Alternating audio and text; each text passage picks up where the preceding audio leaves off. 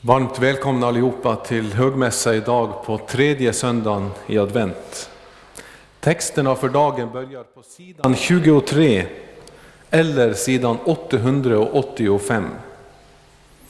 Före klockringningen och före vår gudstjänst så låt oss be. Herre, vi har kommit samman för att höra vad du Gud Fader, vår skapare, du Herre Jesus, vår frälsare, du helige Ande, vår tröstare i liv och död, vill tala till oss. Öppna nu genom din helige Ande våra hjärtan, så att vi av ditt ord lär oss att söka förlåtelse för våra synder, att tro på Jesus i liv och död och varje dag växa till i ett heligt liv. Hör oss, o Gud, för Jesu Kristi skull. Amen.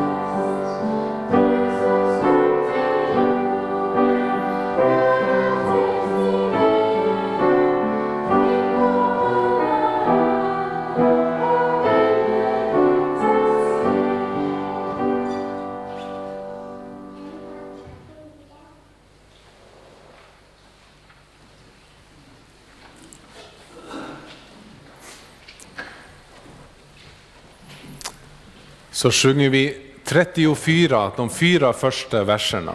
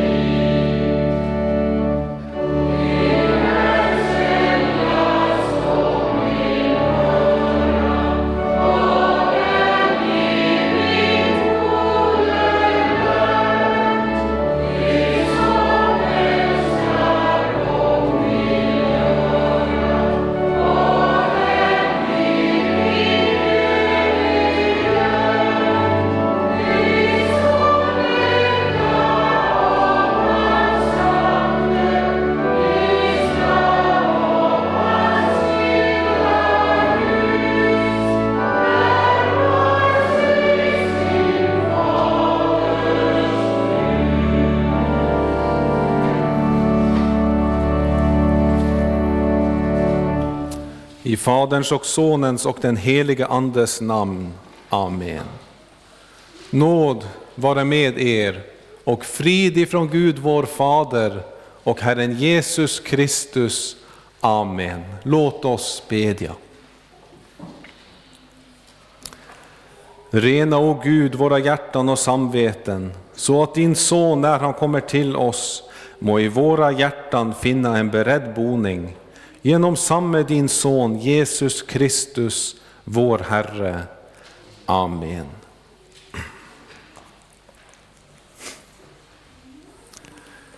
Gör detta till min åminnelse. Dessa ord känner vi från nattvardens instiftelses ord. Och i dagens skriftetal ska vi stanna upp för vad dessa ord säger om vem som ska göra vad. Många tänker att dessa ord handlar om att vi ska minnas vad vår Herre har gjort. Och detta är visserligen en del av trons liv, att åminna och tänka på vår Herres frälsningsgärningar. Men som en känd teologisk forskare sade, så handlar åminnelse i Bibeln, när det används tillsammans med Gud, i 98 procent av tillfällen om att det är Gud själv som kommer ihåg. För oss människor så handlar åminnelse om något som sker i huvudet med ord. Så som judarnas påskfirande visar. Där är det frågor och svar mellan husfadern och den äldste sonen med Bibelns eget ord. Och på detta sätt kom de ihåg vad Herren hade gjort i Egypten. Men emot detta så innebär Guds åminnelse av sitt folks lidande att han faktiskt kom och räddade dem från fångenskapen. Vi kan säga att Herren åminner aktivt medan vi gör det passivt. Och det är vår räddning. När Herren kommer ihåg sitt folk, när han åminner oss så gör han det till vår frälsning. Och detta är till stor tröst för oss just i vårt nattvardsfirande. För orden till hans åminnelse handlar inte bara om att vi kommer ihåg vad Jesus har gjort, utan Herren själv kommer ihåg och påminner sig själv om att han sände sin son till jorden för att frälsa dem som låg bundna i slaveriet, inte i Egypten, men i syndens värld. Han kommer ihåg dem som var slavar, inte under farao, utan under den andlige farao, nämligen denna världens furste. Herren kommer ihåg sin frälsning för oss på ett aktivt sätt när vi firar nattvard, så att han ingriper och befriar oss från det som drar oss bort ifrån honom. Det som börjar få makt över oss och som är värt straffet. Han utger sin sons kropp och blod i brödet och vinet för att åter rena oss i Lammets blod. Detta är hans åminnelse av oss. Men vi läste ju, gör detta till min åminnelse. Och det är en befallning som är riktad till oss, att vi ska göra detta. Men vad är då detta som vi ska göra till Herrens åminnelse? Jo, det är att äta och dricka Herrens kropp och blod i tro på hans löften, i tro på hans frälsning. Och det innebär ju för oss att vi vet och påminner oss om innebörden av att äta och dricka. För om man bara kommer fram och äter och dricker denna måltid, så som man äter och dricker bröd och vin annars, så blir inte Herrens åminnelse till vår välsignelse. Har vi inte Lammets blod strukit på våra hjärtas dörrpostar genom tron, så kommer inte dödsängeln att gå oss förbi. Utan då hjälper det inte att vi äter och dricker, för då blir det till dom för oss. Men när vi gör detta, alltså äter och dricker Herrens kropp och blod i nattvarden, till tröst och hjälp emot allt som våra synder trycker oss med, allt det som springer ut ur våra onda hjärtan, då blir det välsignad. Då kommer den starkare och övervinner den starkes makt över oss. Och detta gäller allt ont som vi har gjort. Det innebär all missnöje med Herrens ledning, allt klagande och knotande över vad han skickar i vår väg. Alla de gånger vi inte har tagit emot det onda med det goda från Herren. Och det innebär alla gånger som vi inte har tagit hans varningar på allvar och istället har låtit det onda få makt över oss. Ja, oavsett vad vi har brutit och försummat så kommer det ju allt sammans från syndens smitta. Och just synden och allt som kommer från synden, det som fördömer oss människor, det är just detta som Herren utgöt sitt blod på Golgata för att övervinna och försona. Och det är samma försonande blod som vi mottar när vi samlas till Herrens heliga nattvard. Och därför är frukterna av det också detsamma som när Jesus spikade fast på korset och utgav sitt liv för oss. Detta skänker han oss i sin åminnelse när vi äter och dricker hans nådemedel i tro på hans ord. För som sagt, genom att göra detta så påminner vi Gud om att han inte lät israeliterna dö i deras synder utan räddade dem från slaveriet. Och vi påminner honom om att han inte heller övergav världen efter Adams fall utan lät sin egen son komma till jorden som den andra Adam för att gottgöra den första Adams förstörelse. Den åminnelse som vi gör innebär därför djupast sett att vi mottar Herrens gåvor. Och det är en skillnad från vår åminnelse och många andras, andra kyrkliga familjers åminnelse. Många försöker att tränga Jesus in i sitt inre, men vi, vi går till hans eget ord. Vi tar emot de gåvor som ordet skänker oss genom att i tro på ordet att de ger vad de säger. I tro på detta att vi äter och dricker vår Herres kropp och blod. För det är Gud själv som har givit oss löfte om att när vi gör detta så blir det till hans aktiva och frälsande åminnelse som skänker syndernas förlåtelse, liv och salighet. Låt oss därför bereda oss för denna välsignade stund genom att först av allt lägga av allt som tynger och sen motta hans förlåtelse. Ja, låt oss be och bekänna.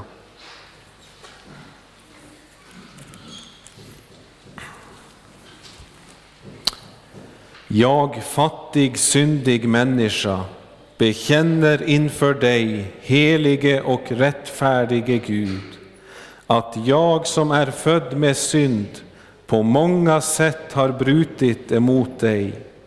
Jag har inte älskat dig över allting och inte min nästa som mig själv. Mot dig och dina bud har jag syndat med tankar, ord och gärningar. Jag är värd att förkastas från ditt ansikte om du skulle döma mig som mina synder har förtjänat. Men du, käre himmelske Fader, har lovat att med mildhet och nåd ta emot alla som vänder sig till dig. Du förlåter dem allt vad de har brutit och försummat och tänker inte mer på deras synder. Detta litar jag på när jag nu ber dig om förlåtelse för min frälsares Jesu Kristi skull.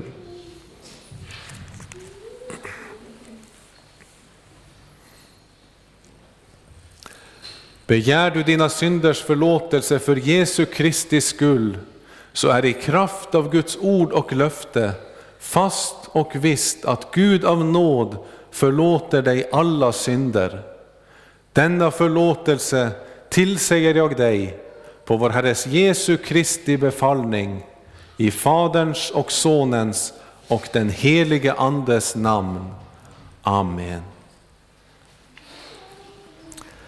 Käre Fader i himmelen, vi tackar dig för syndernas förlåtelse genom Jesus Kristus, vår Herre. Amen.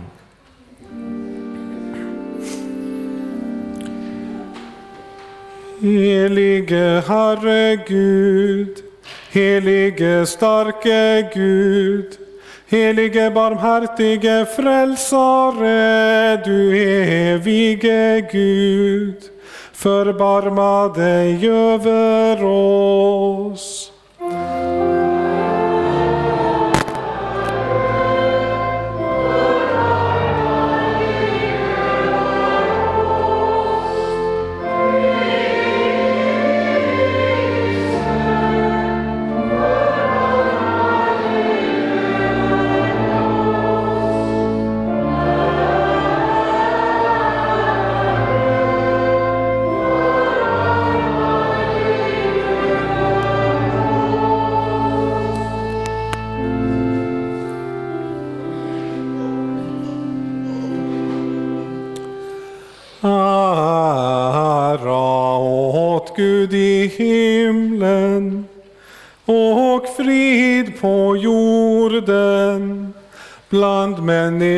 Människor som han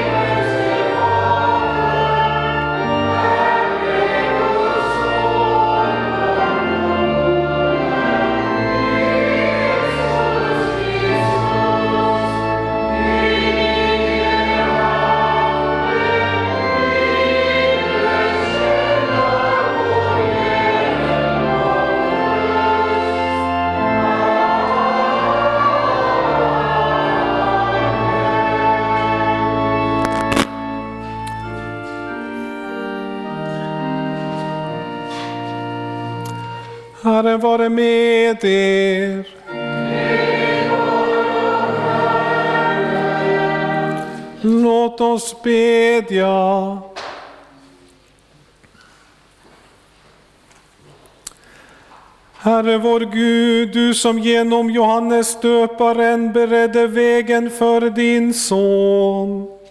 Upplys våra sinnen med ditt evangelium så att vi alltid ser dina vägar. Genom din son Jesus Kristus, vår Herre.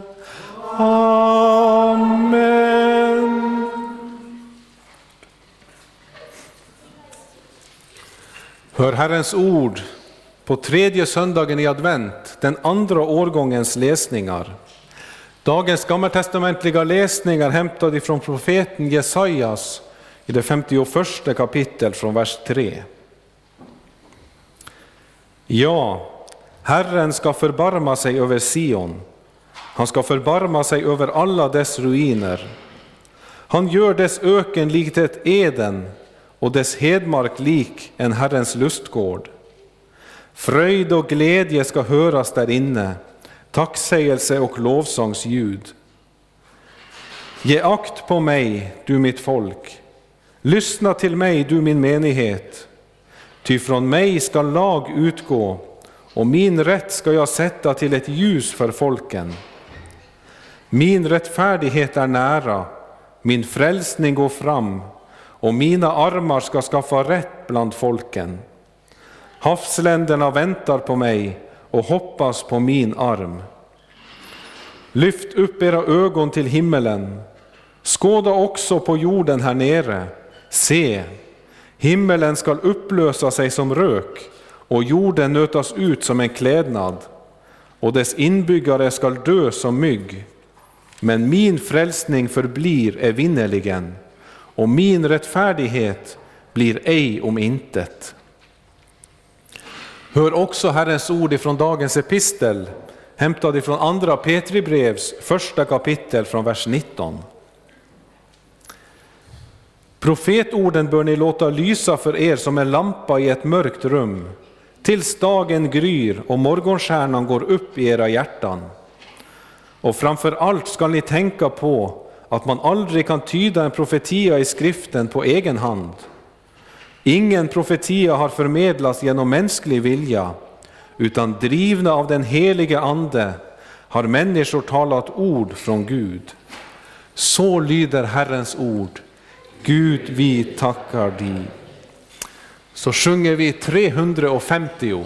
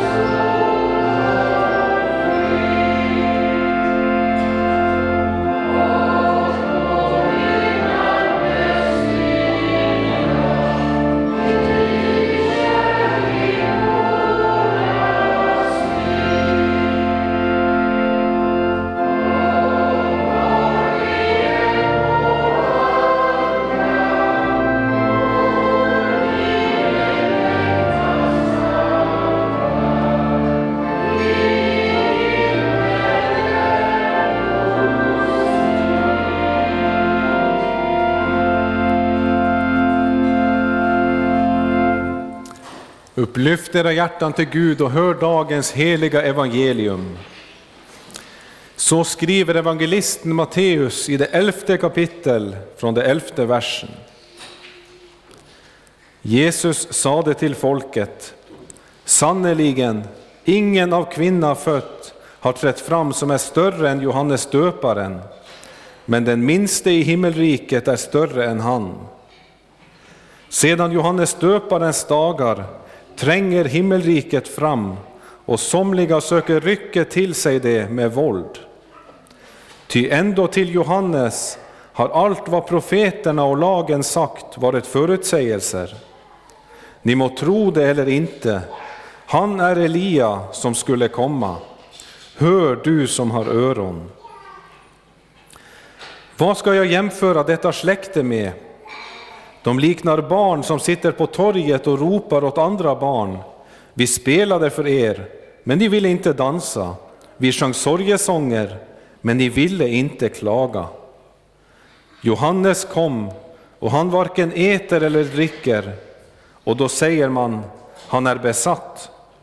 Människosonen kom, och han äter och dricker, och då säger man, se vilken frossare och drinkare, en vän till tullindrivare och syndare.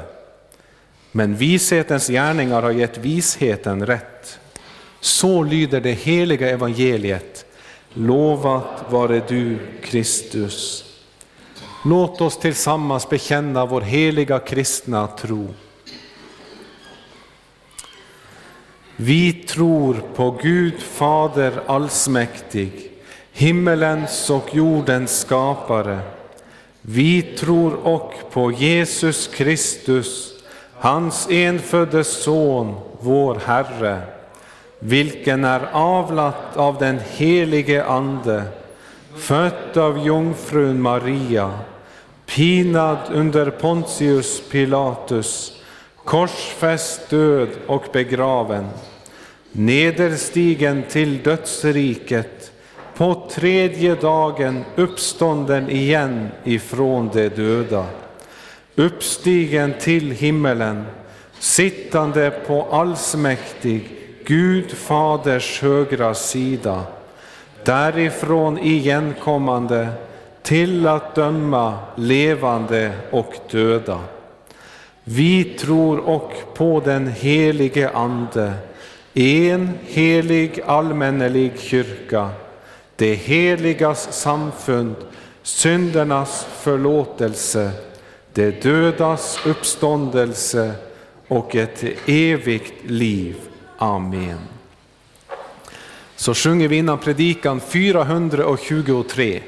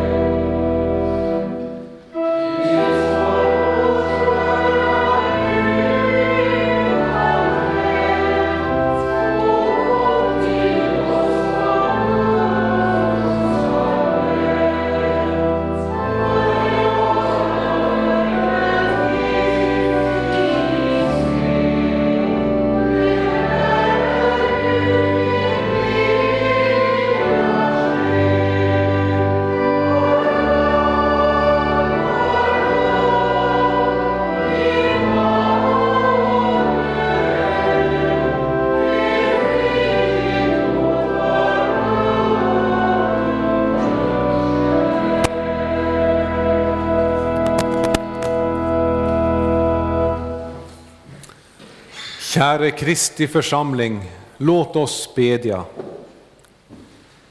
Allsmäktige himmelske Fader, du som sände Johannes döparen för att bereda väg för din son. Vi ber att du bereder väg för din son in i våra allas hjärtan, att du bereder en bolig för honom där. Jag talar till oss, Herre, dina tjänare lyssnar. I Jesu namn. Amen. I dagens evangelium så får vi höra tala om Johannes döparens kall och storhet. Han berättar, Jesus berättar både om Johannes och om folkets vägran att ta emot hans budskap. Och detta ska vi höra utlagt under tre delar. För det första om Johannes döparens storhet. För det andra folkets vägran att ta emot honom. Och för det tredje och sista om vishetens domslut. Vi börjar med Johannes döparens storhet. Innan vårt evangelium så skickas döparens lärjungar till Jesus för att fråga om han var den som skulle komma. Den som Gamla testamentet hade utlovat. Jesus svarar på denna fråga med att peka på sina gärningar. Blinda får sin syn, lama går, spetälska blir rena, döva hör, döda uppstår och för fattiga predikas glädjens budskap och salig är den som inte tar anstöt av mig. Detta svar skickas döparens lärjungar till Johannes med. Och sen börjar Jesus tala om Johannes och han frågar folket vem de gick ut i öknen för att se. Var det ett strå som vajar för vinden? Nej, bara det att Johannes nu satt i fängelse just därför att han inte böjde kappan efter vinden är ju ett bevis för det. Gick de då ut för att se en man klädd i fina kläder? Nej, Johannes bar tvärtom kläder av kamelhår och hade ett läderbälte om livet, så som Elias. Men vad gick då folket ut i öknen för att se? En profet? Ja, säger Jesus. Han är ännu mer än en profet. Och märk, han är inte bara en större profet än andra profeter, utan hans kallelse innebär och innehåller ännu mer än en profets kallelse. Jesus säger i början av vår text, Amen säger jag er, bland dem som är födda av kvinnor har ingen trätt fram som är större än Johannes döparen. Men vad är det då som gjorde Johannes döparen störst bland alla som är födda av kvinnor? Är det att han fastade och levde ett asketiskt liv, klädde sig i kamelhårskläder och gav avkall på flera jordiska saker än andra? Nej, inte alls. Var det kanske att han var hårdare än andra i att förkunna dom, straff och omvändelse? Nej, inte det heller. Dessa likheterna med Elia är inte orsaken till att Johannes döparen placeras högre än Mose och alla andra. Också David och Salomo var större än de allra, allra flesta av oss andra som är födda av kvinnor. Men det var inte heller deras personliga fromhet som gjorde det, utan de var syndare på lik linje med oss andra. De hade ju till exempel många hustrur och deras aptit på kvinnor ledde dem ju både till mord och avgudadyrkan.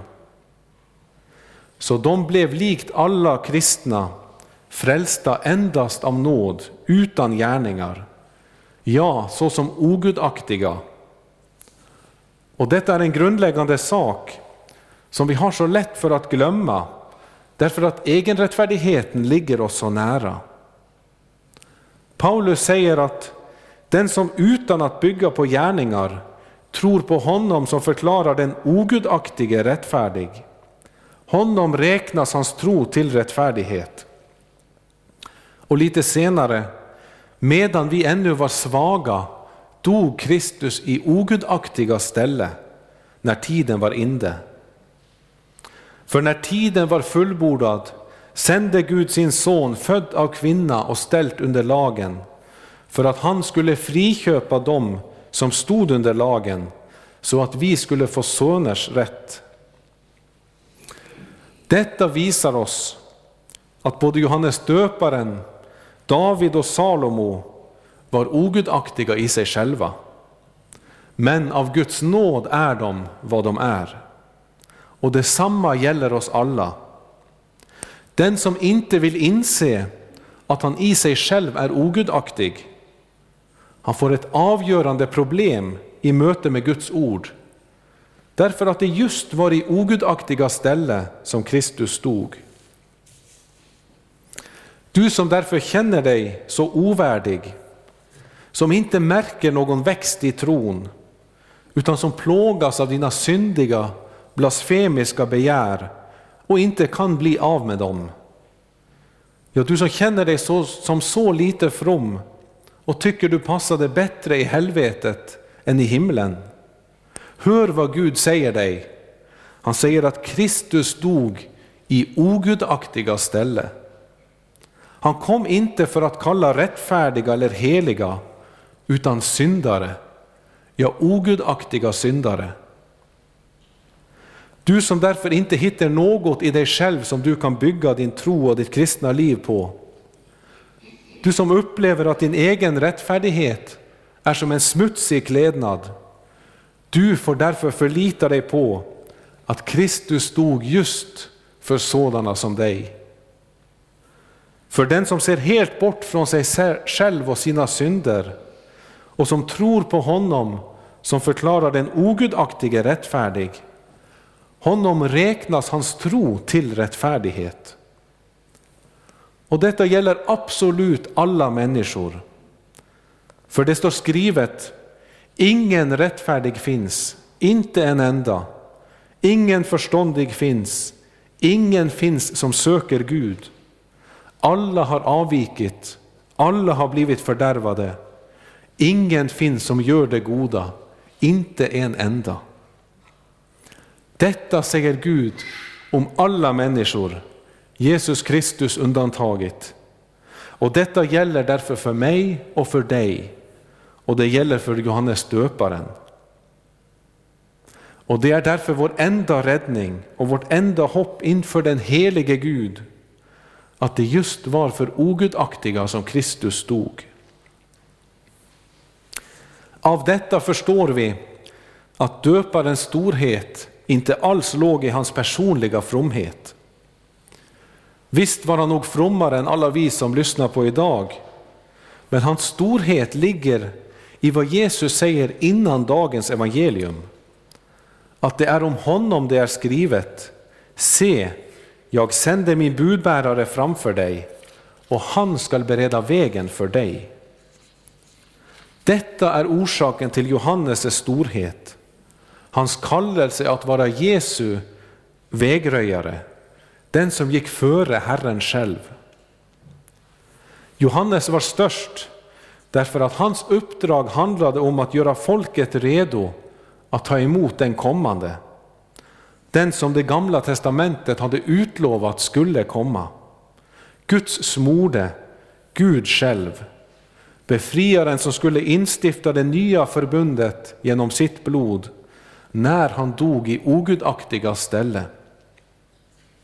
Jesus förklarar detta idag med att alla profeterna och lagen har profeterat fram till Johannes och om ni vill ta emot det, han är den Elias som skulle komma. Johannes är den Elias som skulle komma, den som Malaki profeterar om. Se, jag ska sända till er profeten Elias innan Herrens dag kommer, den stora och fruktansvärda. Han skall vända fädernas hjärtan till barnen och barnens hjärtan till deras fäder, så att jag inte kommer och slår landet med tillspillogivning. Dessa Malakis ord var Guds sista ord till sitt folk på runt 430 år innan Johannes döparen började sin gärning med att bereda vägen för Jesus. Och när Johannes kom så förkunnade han omvändelse och han talade Guds ord klart och rent om människans ogudaktighet och synder. Men han vittnade också vidunderligt när han förkunnade och pekade på Guds lam som borttager världens synder. Han vittnade om honom som den helige ande kom över i dopet. Han som inte själv hade några synder att bekänna, men som döptes genom att ta på sig och bära vår allas synd. Ingen av profeterna kunde så som Johannes peka på Jesus och säga, här är han. Ingen annan fick döpa Jesus och se himlen öppna sig över honom. Johannes kall och uppdrag var som Malaki sade att bereda vägen för Herren Gud själv, som i mänsklig liknelse kom för att dö i ogudaktiga ställe, för att kalla och frälsa det som var förlorad. Profetiernas tid har genom Johannes döparen övergått till uppfyllandets stadium. När tiden var fullbordat och Kristus den utlovade kom. Nu är det en ny tid när Gud gör något nytt. Det är detta som är Johannes döparens storhet, att genom hans gärning börjar uppfyllelsernas tid i Kristus Jesus. Nu kommer han som alla profeterna och lagen har profeterat om. Nu kommer han som Gud vill att alla ska lyssna till. Han som säger lyssna, du som har öron. Ja, nu blir Guds konungsliga herravälde återupprättat i Israel och i världen. I Jesu förkunnelse av goda nyheter för de fattiga och hans skapande mirakler som återupprättar syndens förstörelser. Gud regerar på ett nytt sätt. Jesus är Immanuel, Gud med oss. Lidande för Kristi skull, självförnekelse, tålmodig uthållighet av kärlek till en annan. Dessa är därför verkliga härliga saker som har ett evigt värde. Och detta stora kall att peka på Kristus med ord och gärningar, det har också alla döpta kristna. Detta har vi alla fått i uppgift att i våra olika kall och stånd göra till dem som Gud skickar i vår väg. Och vi har en fördel framför Johannes eftersom han dödades kort tid efter Jesu ord idag.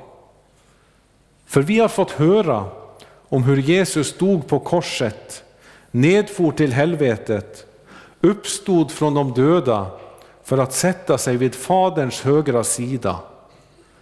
Och detta får vi förkunna. Därför är vi i en mening större än Johannes.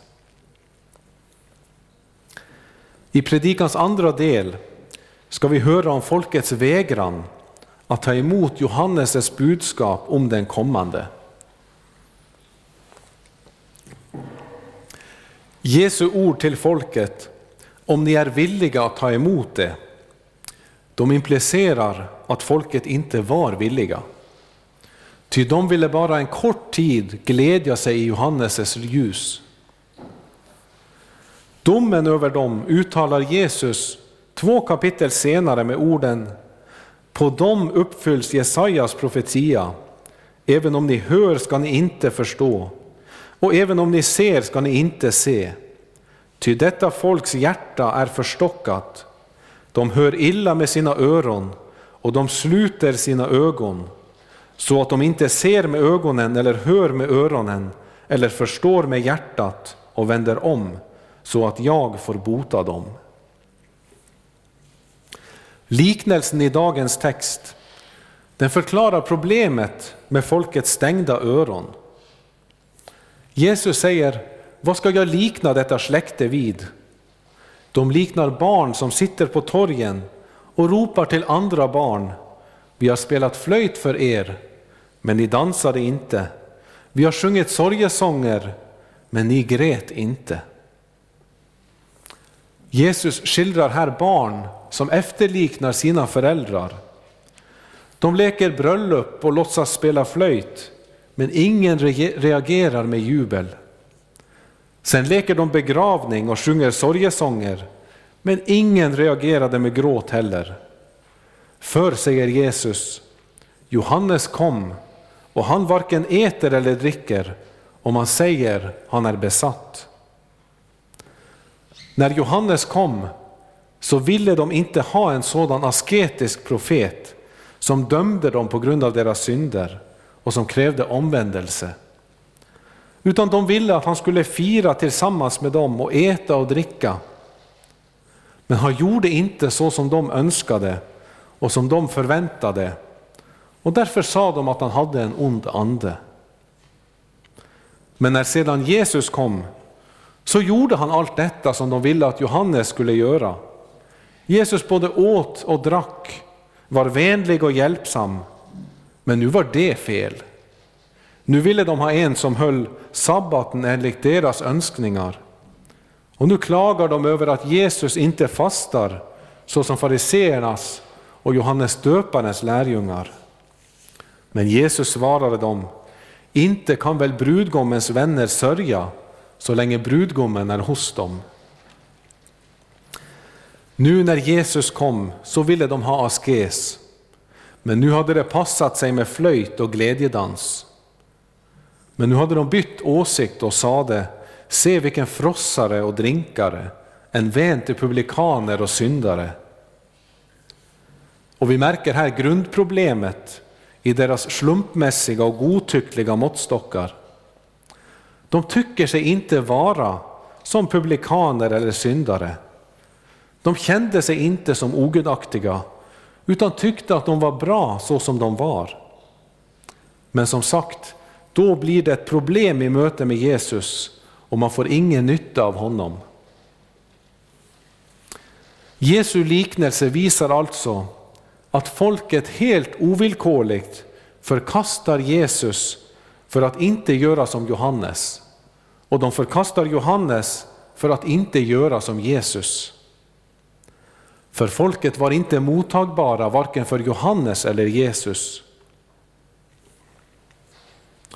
När flöjten lät i glädje över att Johannes nu har kommit och vittnar om Jesus Kristus, han som kom för att uppfylla all rättfärdighet, så ville de inte glädja sig. Inte heller när man sjöng sorgesånger över människans syndafördärv och bortvändhet, bortvändhet från Gud, så ville man sörja. Utan detta släkte hade stenhjärtan och inte hjärtan av kött. Men både begravnings och bröllopstemat gick igen hos både Jesus och Johannes. För båda förkunnade samma budskap. De sade båda, omvänd er, ty himlarnas rike är här. Alltså, ni ligger i dödens våld, omvänd er därför och få del av himmelrikets bröllopsmåltid. Johannes förkunnade det med tanke på att Jesus hade kommit. Jesus förkunnade om sig själv. Men folket som hörde det använde inte Guds ords nycklar för att pröva vad som förkunnades. De kollade inte med profeterna och lagen för att se om det kunde stämma med dess löften. Nej, de använder slumpmässiga och godtyckliga måttstockar.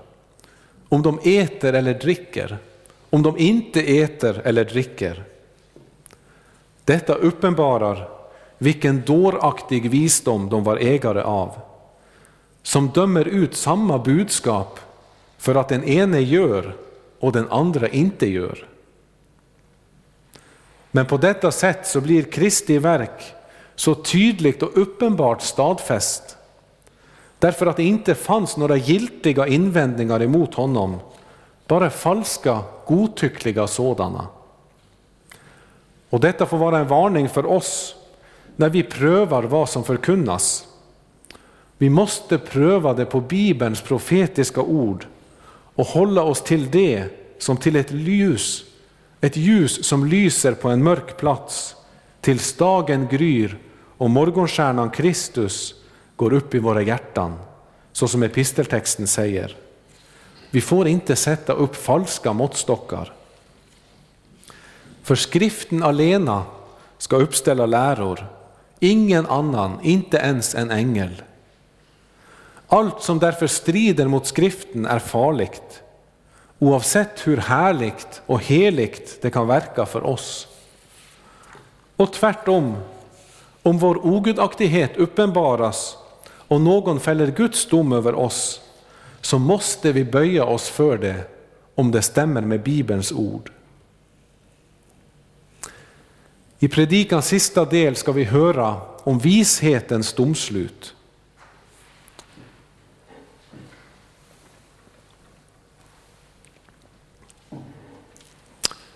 Folkets förkastande av Jesus och Johannes, det förändrar inte på hur Gud ser på det hela.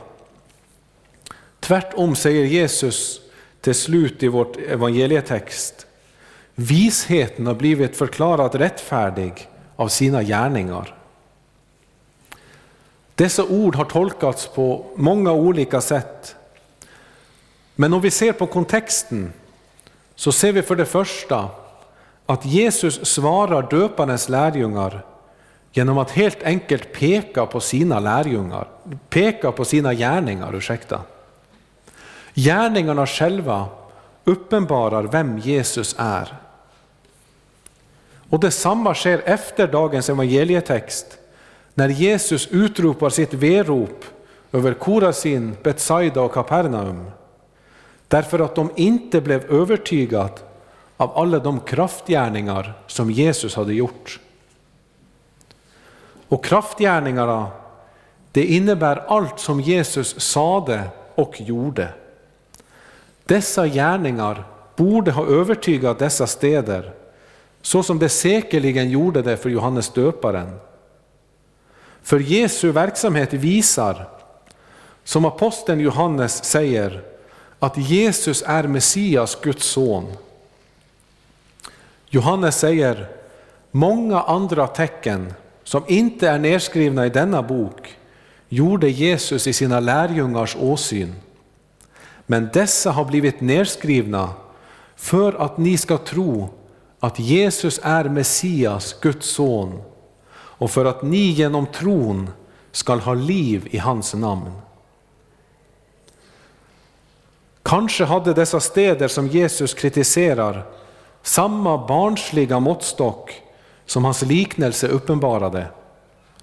Att man bestämmer sig för vissa godtyckliga krav och klagar när de inte uppfylls. Eller om de uppfylls så byter man åsikt och kräver motsatsen.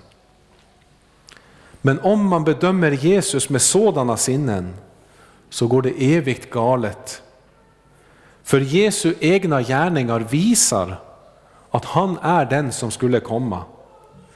Visheten är Guds vishet, Gud själv. Och dessa gärningar bedömer Gud som tillräcklig för att fördöma dem som varken vill höra eller se utan står emot. Och det gäller ateister i vår tid, men det gäller också oss som kallar oss kristna. Om vi inte omvänder oss till den Jesus som Johannes döparen beredde vägen för, han som talar till oss i Bibeln så att vi lyder honom, så hjälper det oss inte. Om vi säger att jag tycker kärleken ska se si eller så ut och sen förkasta den Jesus som inte stämmer med mina önskningar. Eller vi säger att jag kan inte tro på en Gud som gör si eller så. Ja, då blir vi så som folket som Jesus kritiserar. Bibelns vittnesbörd som förkunnar oss vad Gud själv har gjort i historien när han kom till jorden såsom människa för att bereda och uppfylla frälsningen när han i ogudaktiga ställe behandlades som om han själv vore ogudaktig. Detta vittnesbörd är tillräckligt för ett rättfärdigt domslut. Visheten har blivit förklarat rättfärdig genom sina gärningar. Gud ursäktar ingen för att förkasta detta bevismaterial. Alla som står emot det får själva stå till ansvar för sitt förkastande av Guds kärleksfulla frälsning och räddning för oss alla. Men vi som erkänner vår ogudaktighet och som därför av hjärtat tackar Gud för att han beredde vägen och faktiskt låter oss få ta del av frälsningen.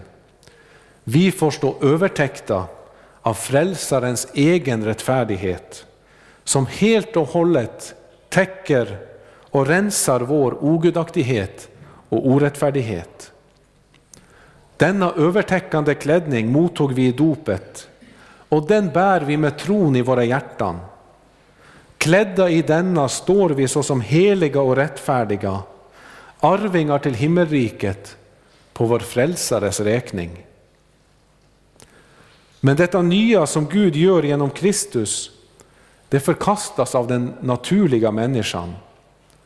Och det visar oss hur vi med trons ögon ska se på Guds styrelse av oss idag.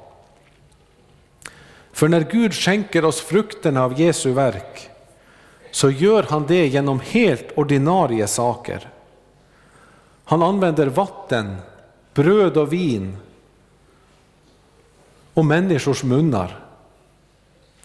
Om vi förkastar ordet som förkunnar om Jesu kraftgärningar, om vi förkastar vattnet som Guds ord innesluter i dopet, eller vi förkastar brödet och vinet som bringar oss frälsarens kropp och blod i nattvarden, så är det lika med att förkasta Jesus så som folket i texten gör.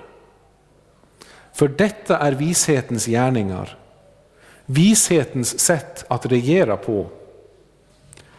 När du därför hör att Jesus stod för ogudaktiga, så vill Gud att du ska förtrösta på det som om du själv stod på Golgata och såg Jesus lida och dö för dig. När du hör förlåtelseorden av en med fullmakt att tillsäga dig dem, förtrösta då på det som du hörde Guds egen röst. Och när du hör och ser brödet och vinet i nattvarden utdelas åt frälsta syndare, förtrösta då på hans löften som om Herren själv kom gående ner från altaret till dig. Detta är vishetens gärningar som idag skänker oss frukterna av Guds vishet, Jesus Kristus. Han som Johannes döparen förkunnade skulle komma och som vi vet har kommit för att frälsa ogudaktiga syndare. Ja, saliga är era öron, ögon som ser och era öron som hör. Amen säger jag er, många profeter och rättfärdiga längtade efter att få se det ni ser, men fick inte se det, och få höra det ni hör, men fick inte höra det. För det säger vi, lovat vare Gud och välsignad i evighet, som med sitt ord tröstar, lär, förmanar och varnar oss. Helige Ande, skriv ordet i våra hjärtan, så att vi inte blir glömska hörare, utan varje dag växer till i tro, hopp, kärlek och tålamod intill tidens slut och blir saliga.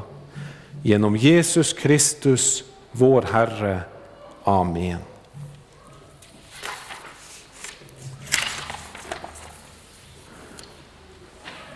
Innan vi sjunger på nummer 39 må så hoppets Gud uppfylla er med all glädje och frid i tron, så att ni har ett överflödande hopp i den helige Andes kraft. Amen.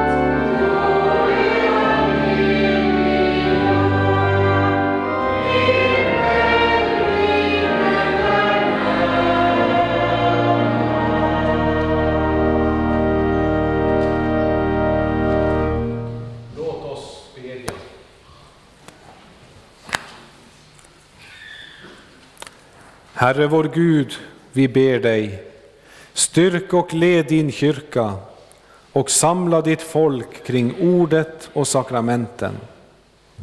Låt ditt evangelium nå ut i hela världen och väcka levande tro. Ge dina vittnen kraft när de får lida för din skull. Skydda vårt land och ge vishet åt dem som har fått förtroende och ansvar i vårt samhälle. Ge dem att fatta rätta och visa beslut till ära för ditt namn och till gagn för folket. Välsigna vårt arbete, ge världen fred och låt det onda hindras och din vilja ske. Ge oss dagligt bröd och stärk vår vilja att dela med oss åt dem som lider nöd. Låt våra hem präglas av sammanhållning, trygghet och kristen tro. Och gör vår församling till ett hem dit människor kommer för att höra ditt heliga ord, bedja om din hjälp och tacka för din godhet och kärlek. Kom Herre till de sjuka, sörjande och ensamma. Och vi ber för alla dem som under denna coronatid har blivit sjuka, sörjande och ensamma. Och vi ber för alla dem som står utan rättigheter. Särskilt tänker vi på barnet i moderlivet. Kom till deras räddning. Värna om livet från dess naturliga avlelse till dess naturliga avslutning. Sänd oss till dem som behöver vår omtanke och vårt stöd. Följ oss hela livet med din nåd. Gör oss fasta i tron och låt oss till sist få komma hem till din eviga glädje. Genom Jesus Kristus, din Son, vår Herre. Amen. Så sjunger vi som beredelsesalm 107 från vers 4.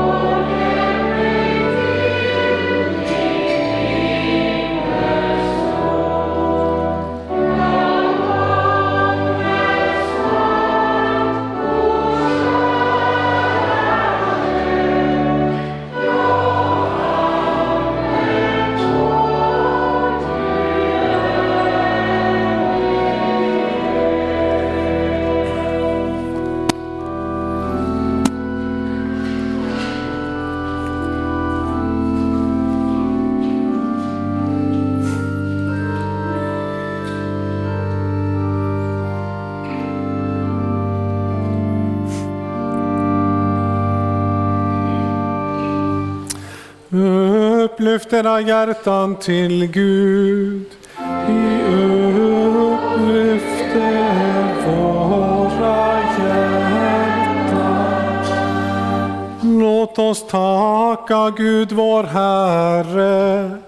Allena han är värt vårt tack och lov. Ja, sannerligen du ensam är värt vårt lov. Allsmäktige Fader, helige Gud. Dig vill vi prisa och välsigna genom Jesus Kristus, vår Herre. Honom sände du när tiden var inne att förkunna glädjens budskap för de fattiga, frihet för de fångna och syn för de blinda. Genom honom gör du allting nytt, idag och då han kommer åter i härlighet. Därför vill vi med dina trogna i alla tider och med hela den himmelska härskaran prisa ditt namn och tillbedjande sjunga.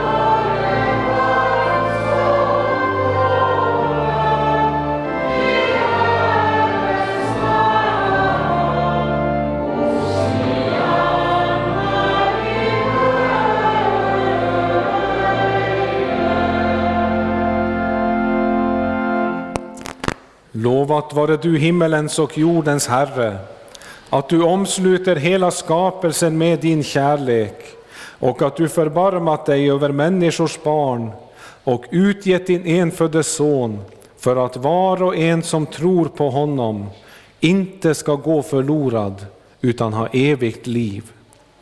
Vi tackar dig för den frälsning du har berett åt oss genom Jesus Kristus. Bered oss genom din helige Ande att ta emot honom när han kommer till oss i sin heliga nattvard. Amen. I den natt då vår Herre Jesus Kristus blev förrådd tog han ett bröd, tackade, bröt det och gav åt lärjungarna och sade Tag och ät. Detta är min kropp som blir utgiven för er.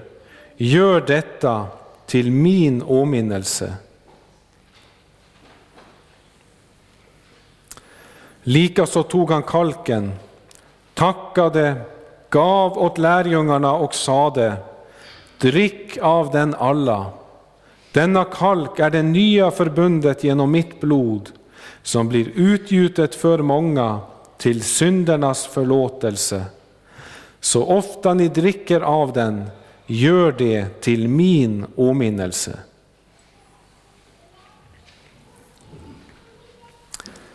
Din död förkunnar vi, Herre, din uppståndelse bekänner vi till dess du kommer åter i härlighet. Helige Fader, vi firar denna måltid till åminnelse av din Sons lidande och död, uppståndelse och himmelsfärd. Vi tackar dig för att du har sett till hans fullkomliga och eviga offer, med vilket du har försonat världen med dig själv. Tack för att du i denna måltid skänker oss de välsignade frukterna därav och ger oss liv av hans liv, så att han förblir i oss och vi i honom. I den heliga Ande och med alla dina trogna ber vi den bön som din son Jesus Kristus har lärt oss. Fader vår som är i himmelen. Helgat var det ditt namn. Tillkomme ditt rike. Ske din vilja så som i himmelen så och på jorden.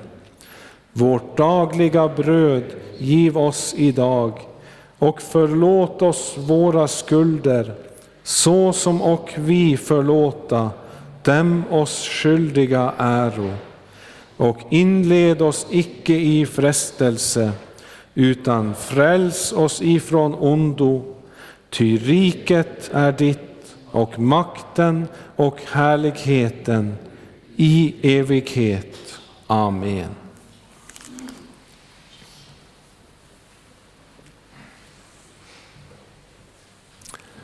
Herrens frid vara med er.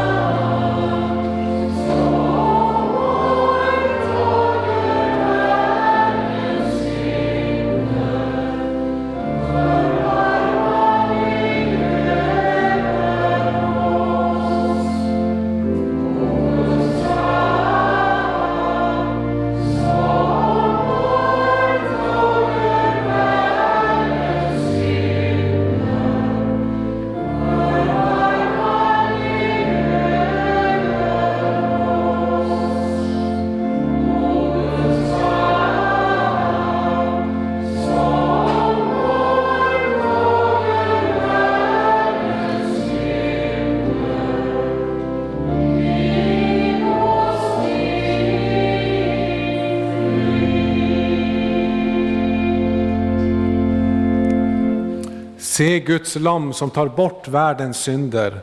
Kom, nu är allt tillrätt. Kristi kropp för dig utgiven.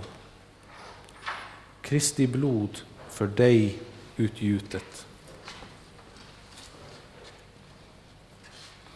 Kristi kropp för dig utgiven.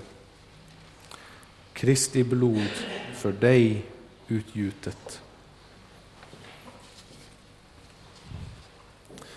Kristi kropp för dig utgiven, Kristi blod för dig utgjutet. Kristi kropp för dig utgiven,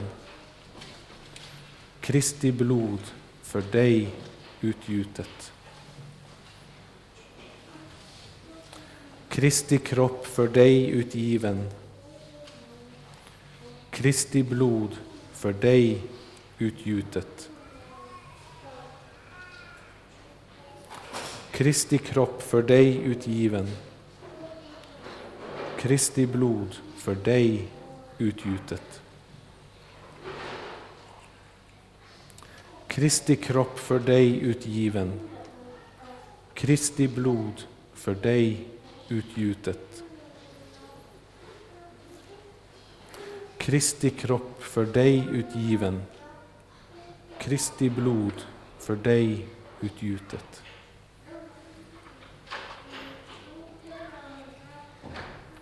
Kristi kropp för dig utgiven. Kristi blod för dig utgjutet. Kristi kropp för dig utgiven. Kristi blod för dig utgjutet. Kristi kropp för dig utgiven. Kristi blod för dig utgjutet. Kristi kropp för dig utgiven.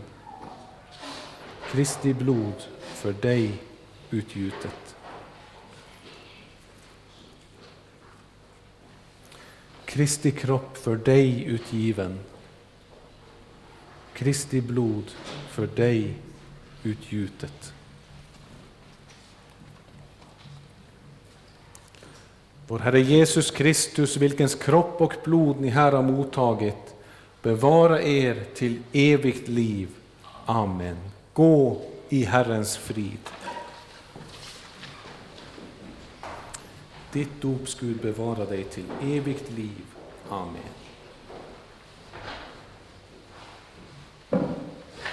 Kristi kropp för dig utgiven.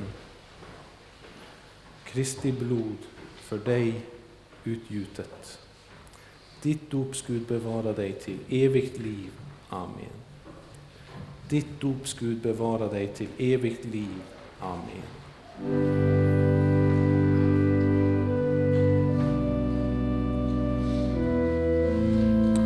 Kristi kropp för dig utgiven. Kristi blod för dig utgjutet. Ditt dopskud bevara dig till evigt liv. Amen. Kristi kropp för dig utgiven. Kristi blod för dig utgjutet. Kristi kropp för dig utgiven.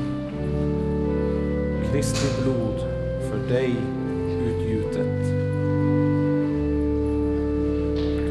Kristi kropp för dig utgiven. Kristi blod för dig utgjutet.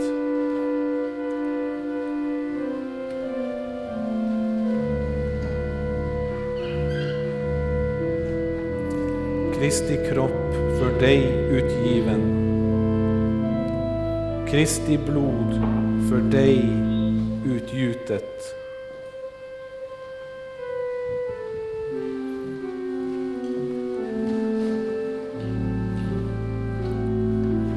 Vår Herre Jesus Kristus, vilkens kropp och blod ni här har mottagit, bevara er till evigt liv. Amen. Gå i Herrens frid.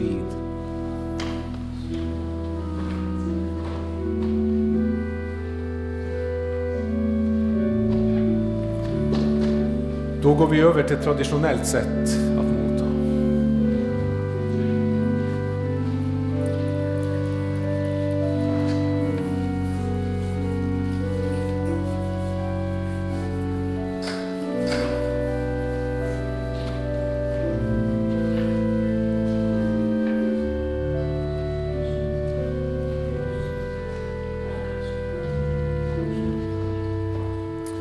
Kristi kropp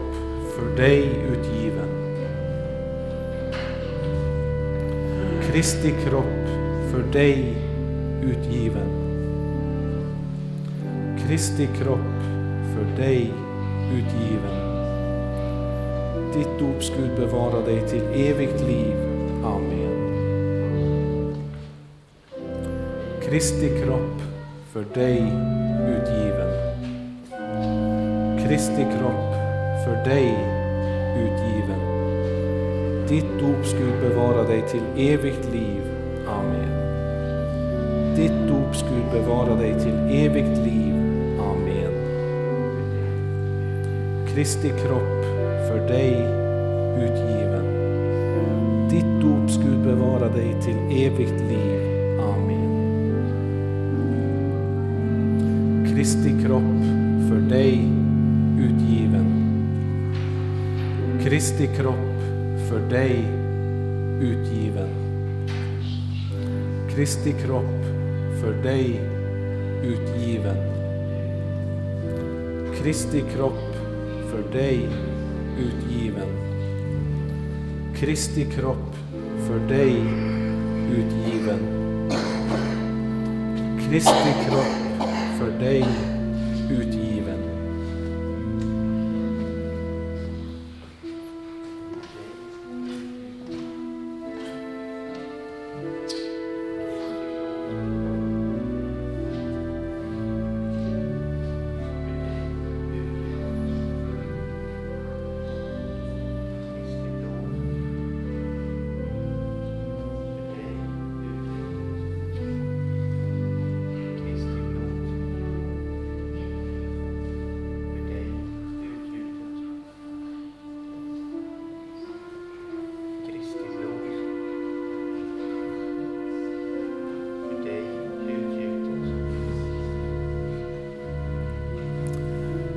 Jesus Kristus, vilkens kropp och blod ni här har mottagit, bevara er till evigt liv. Amen. Gå i Herrens frid.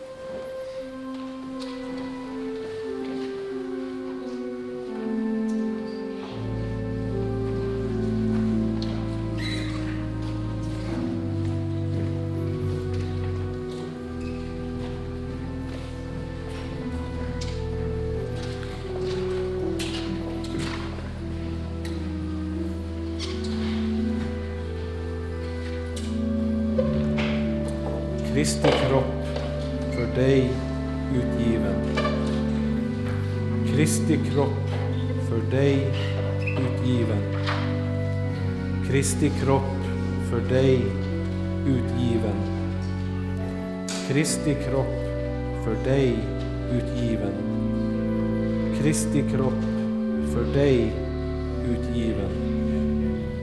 Kristi kropp för dig utgiven. Kristi kropp för dig utgiven. Kristi kropp för dig utgiven. Kristi kropp för dig utgiven.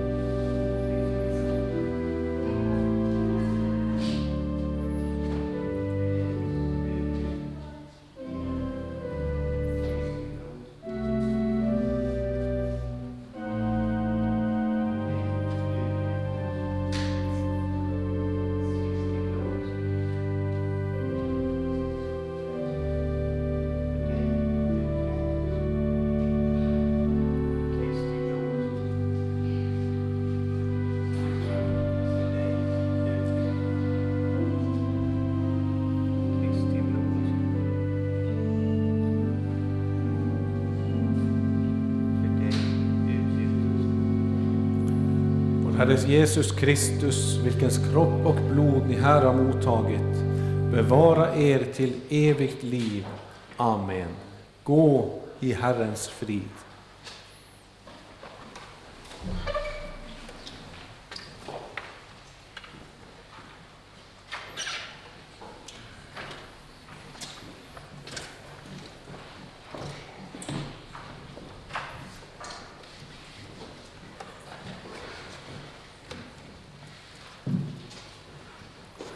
Kristi kropp för dig utgiven. Kristi kropp för dig utgiven. Kristi kropp för dig utgiven. Kristi blod för dig utgjutet. Kristi blod för dig utgjutet. Vår Herre Jesus Kristus, vilkens kropp och blod ni här har mottagit, bevara er till evigt liv. Amen. Gå i Herrens frid.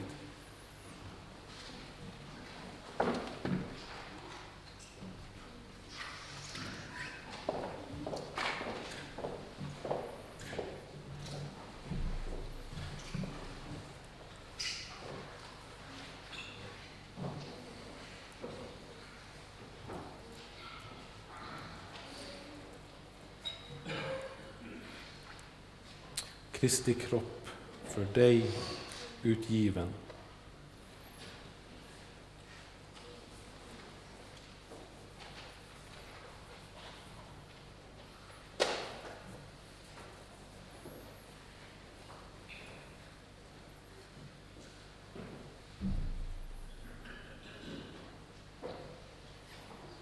Kristi blod för dig utgjutet.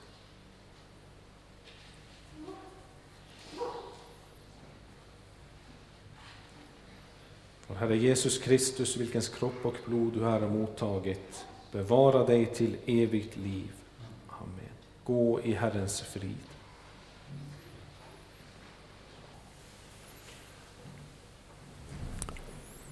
Låt oss bedja. Gud vår Fader, vi tackar dig för din Son Jesus Kristus som kommer till din församling i nattvardens bröd och vin. Bered väg för ditt rike ibland oss och upplys vårt mörker med ljus av ditt evangelium så att vi med hjärtat kan hylla honom som vår konung. Amen.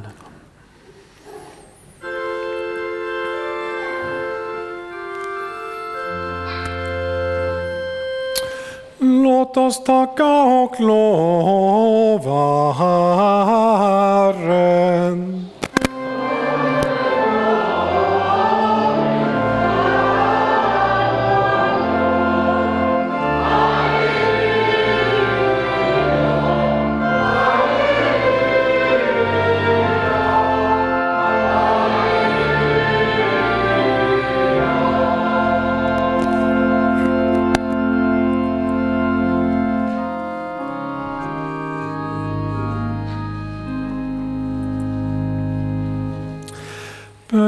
Hedra hjärtan till Gud och mottagen välsignelsen. Herren välsigne heder och bevare heder Herren låte sitt ansikte lysa över eder och vara eder nådig. Herren vände sitt ansikte till eder och give eder frid. I Guds Faderns och Sonens och den helige Andes namn. Amen.